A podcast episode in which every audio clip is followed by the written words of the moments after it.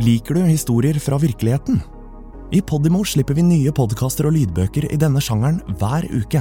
Dokumentarer, personlige historier og true crime. I denne spillelisten kan du høre et utvalg av våre mest populære titler. Podimo. Podkast og lydbøker i én og samme app. Er du lett å lure? De fleste har lyst til å svare nei, men likevel blir folk svindlet hver eneste dag. I denne podkastserien skal du få høre norske svindelhistorier, fortalt av de som ble lurt.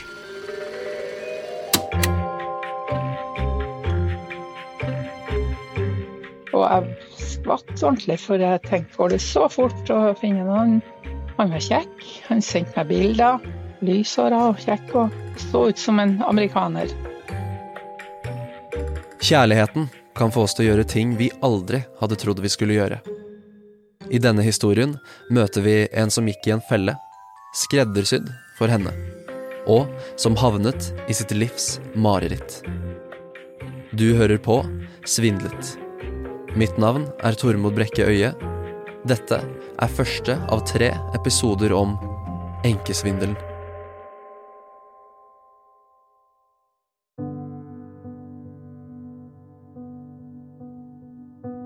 Og det, det var naturlig, hun var jo rundt 90, men hun var sprek og hun var i god form. Så da mista vi jo vår gode mamma. Dette er Inger Johanne. Hun er 72 år gammel og bor i Tromsø. I 2013 får Inger Johanne den sørgelige beskjeden om at moren er død 2. januar. Året var så vidt i gang da den yngste søstera mi ringte. Det var blitt 2. januar, og nyttårsrakettene hadde så vidt lagt seg. Du, jeg har en trist nyhet. Mamma er død. Det er her historien til Inger Johanne starter, og i ettertid har hun skrevet om den. Det du nettopp hørte, er et utdrag fra boken hennes. Morens bortgang blir en tøff start på året, og det skal bli enda verre da hun mister mannen sin, Per, bare et halvt år senere. De to har vært gift i 38 år.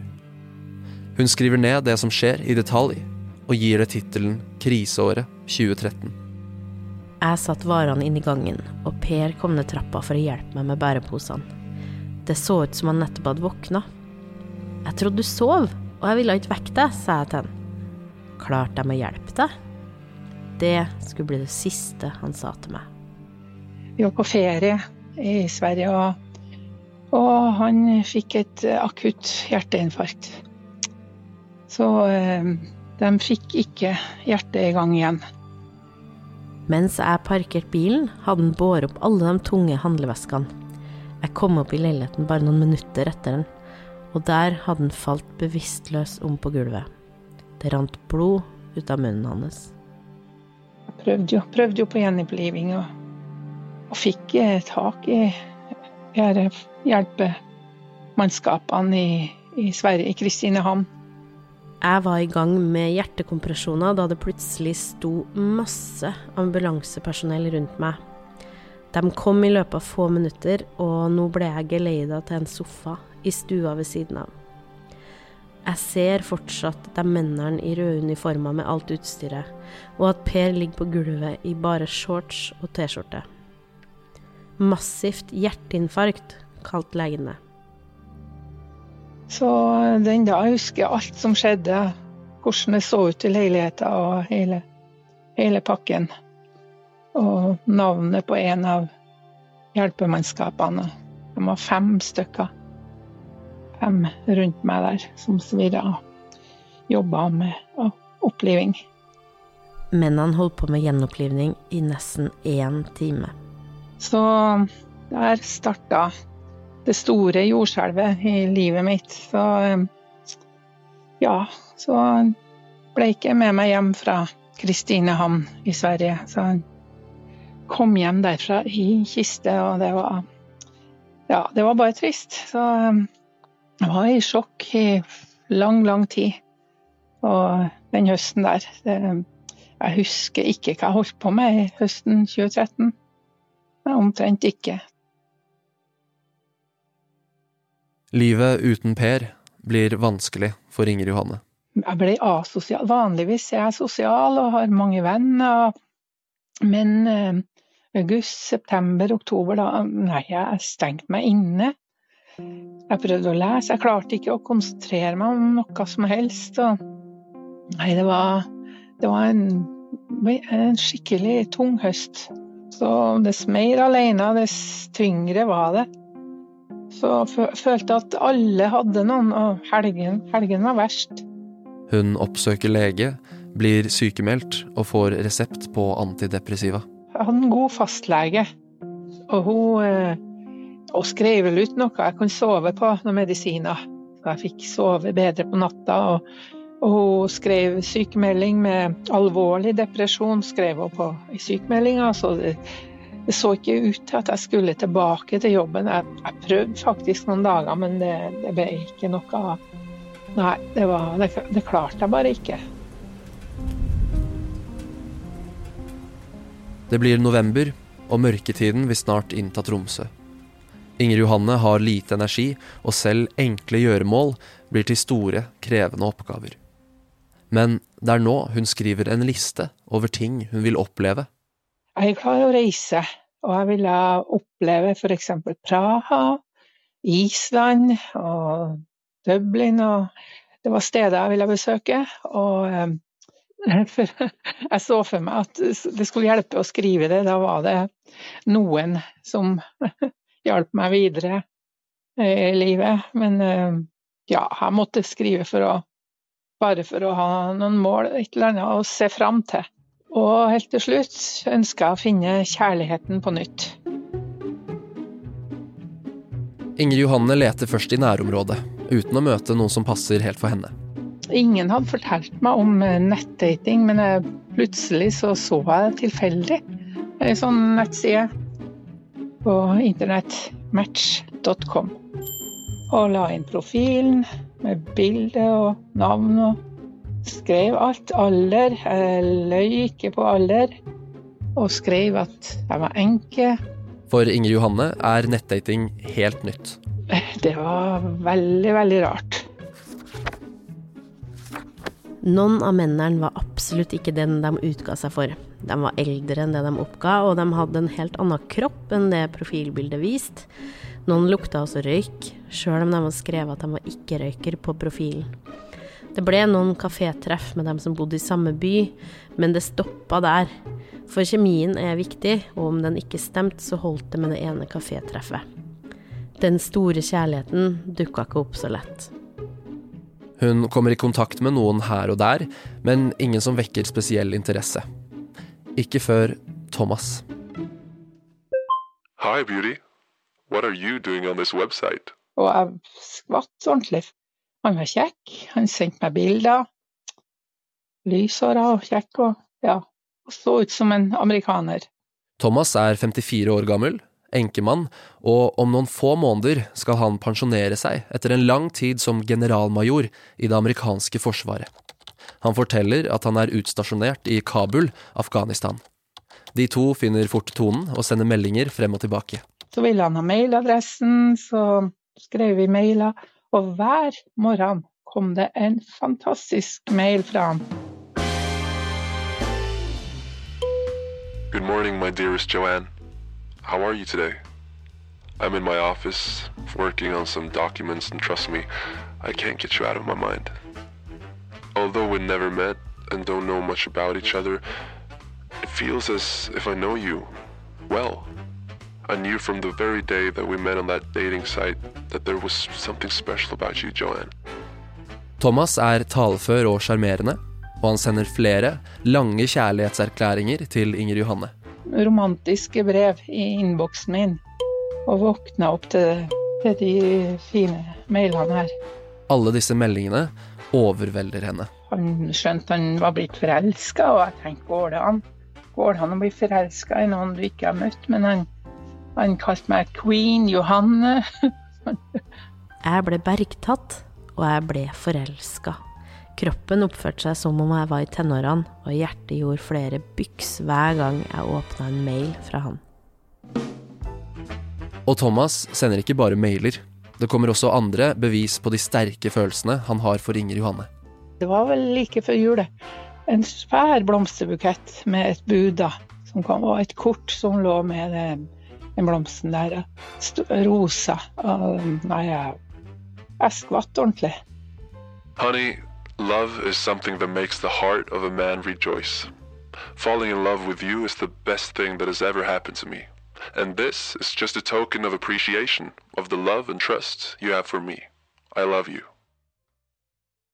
Thomas og Inger Johanne utveksler telefonnumre og begynner å snakke sammen på telefon. Det blir av og til ring, ikke ofte, for han var jo selvfølgelig ute på oppdrag. og Det kunne være farlig å ringe derifra, sa han, og telefonen ble ofte avlytta.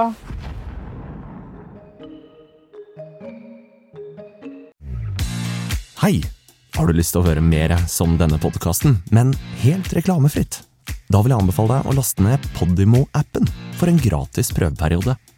Ikke bare finner du kvalitetspodkaster innen alle sjangere, men også flere av de mest populære lydbøkene. Alt sammen i Podimo-appen. Selv om det kan være farlig for Thomas, avtaler de to å snakke sammen på Skype. Dette blir første gang Inger Johanne får se Thomas mens de snakker sammen. Stemmen var lik den jeg har hørt på telefon. En dyp stemme. En sånn Ja, ikke Frank Sinatra, men eh, ja, i samme toneleie. Det var en, en mørk stemme, da. En, sånn, en fyldig stemme. Hello, Queen Johanna. Thomas befinner seg i et mørkt rom. Det er ikke lett å se nøyaktig hvordan han ser ut, men hun kan se at han er høy, og det er det. Kun en silhuett møter henne på Skype. Og de må være raske, forklarer han, for det er farlig for han å skype fra Kabul. Hittil har alt vært rosenrødt. De har snakket sammen i flere uker og har blitt godt kjent. Til og med forelsket. Og Thomas sier han vil flytte til Tromsø for å starte et nytt liv med Inger Johanne. Så han klarte, hadde klart å få meg i ei rosa boble, altså, som jeg ikke har vært på utrolig mange år. I Skype-samtalene forteller Thomas henne noe viktig. Det er noe som får drømmen om en felles framtid i Norge til å bli mulig. Men for å få drøm til å bli virkelighet, trenger Thomas hjelp fra Inger Johanne. Ja, det har gått noen uker, og da plutselig så ber han om hjelp. Thomas forklarer at han i tiden som offiser i det amerikanske forsvaret har spart opp masse penger. Penger han vil at de to skal bruke på det nye livet deres sammen. Og det er ikke et lite beløp. Han forteller at han har sendt seks millioner dollar i forkant, som nå er på vei til Tromsø. Det er bare ett lite problem. Siden Thomas er i Afghanistan, kan han ikke sende pengene på vanlig måte med bankoverføring. Han har derfor tatt de ut i kontanter og lagt de i en koffert. Og denne kofferten er på vei til Tromsø.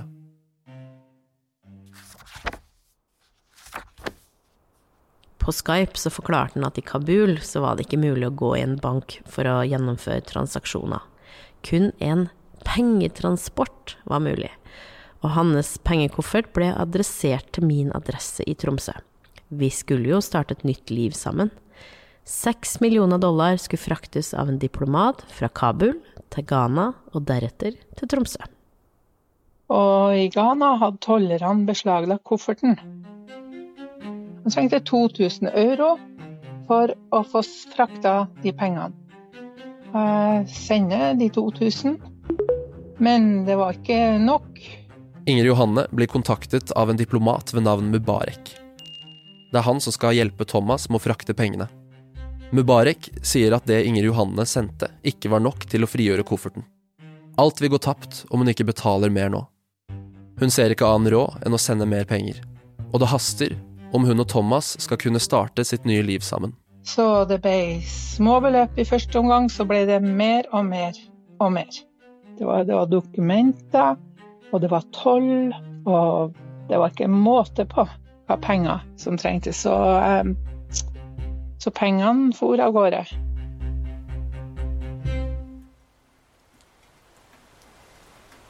I november og desember sender hun stadig flere overføringer for å hjelpe Thomas. Men Thomas lover at alt hun sender, får hun tilbake med en gang de to har hentet kofferten sammen og har kommet seg på plass i Tromsø. You're my girl. You have to believe me. You'll get it all back once I get there. Inger Johanne velger å tro på Thomas. Hun tenker på framtida de to skal ha sammen. Det var jo akkurat det han hadde lova meg i alle de romantiske mailene. Ja, jeg innrømmer at jeg var forelska.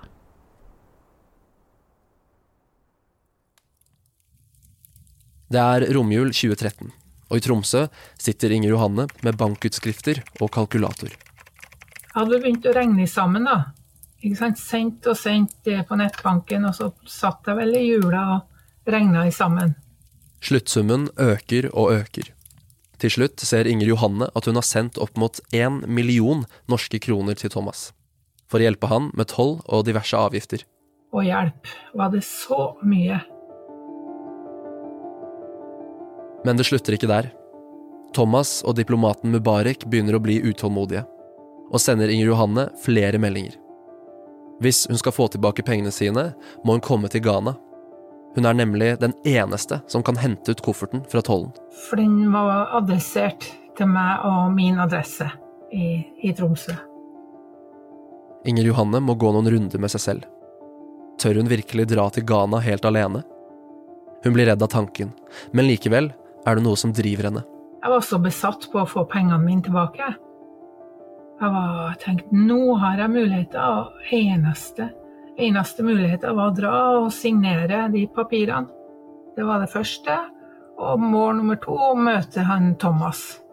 For han sa nå han var på vei til Ghana. Hun fikser billetter i full fart.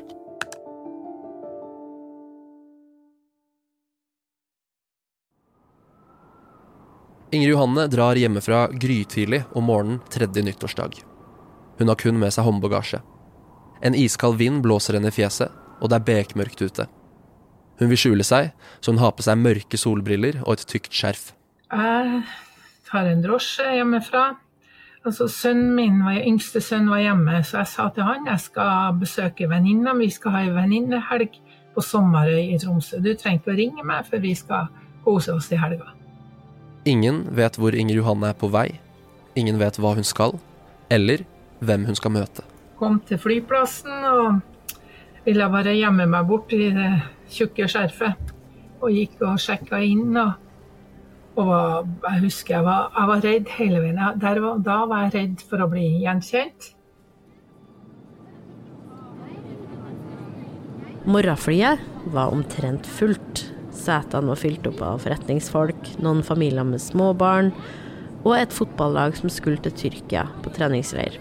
Jeg hadde vindusplass, og jeg klarte å sovne like etter at flyet tok av.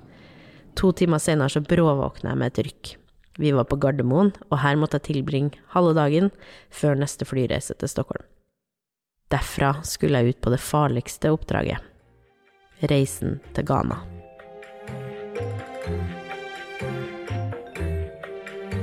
Men hadde Inger Johanne visst hva som ventet henne i Ghana, hadde hun aldri dratt. Jeg hadde ikke bare uniform, jeg hadde våpen i beltet. Og hadde jeg ikke vært redd før, så ble jeg det. Da, I hvert fall da. Jeg, var, jeg tenkte hvorfor hoppa jeg ikke ut vinduet? Men jeg, jeg kunne ikke bare stikke av, jeg skulle ha de pengene. Hør mer i andre episode av Enkesvindelen.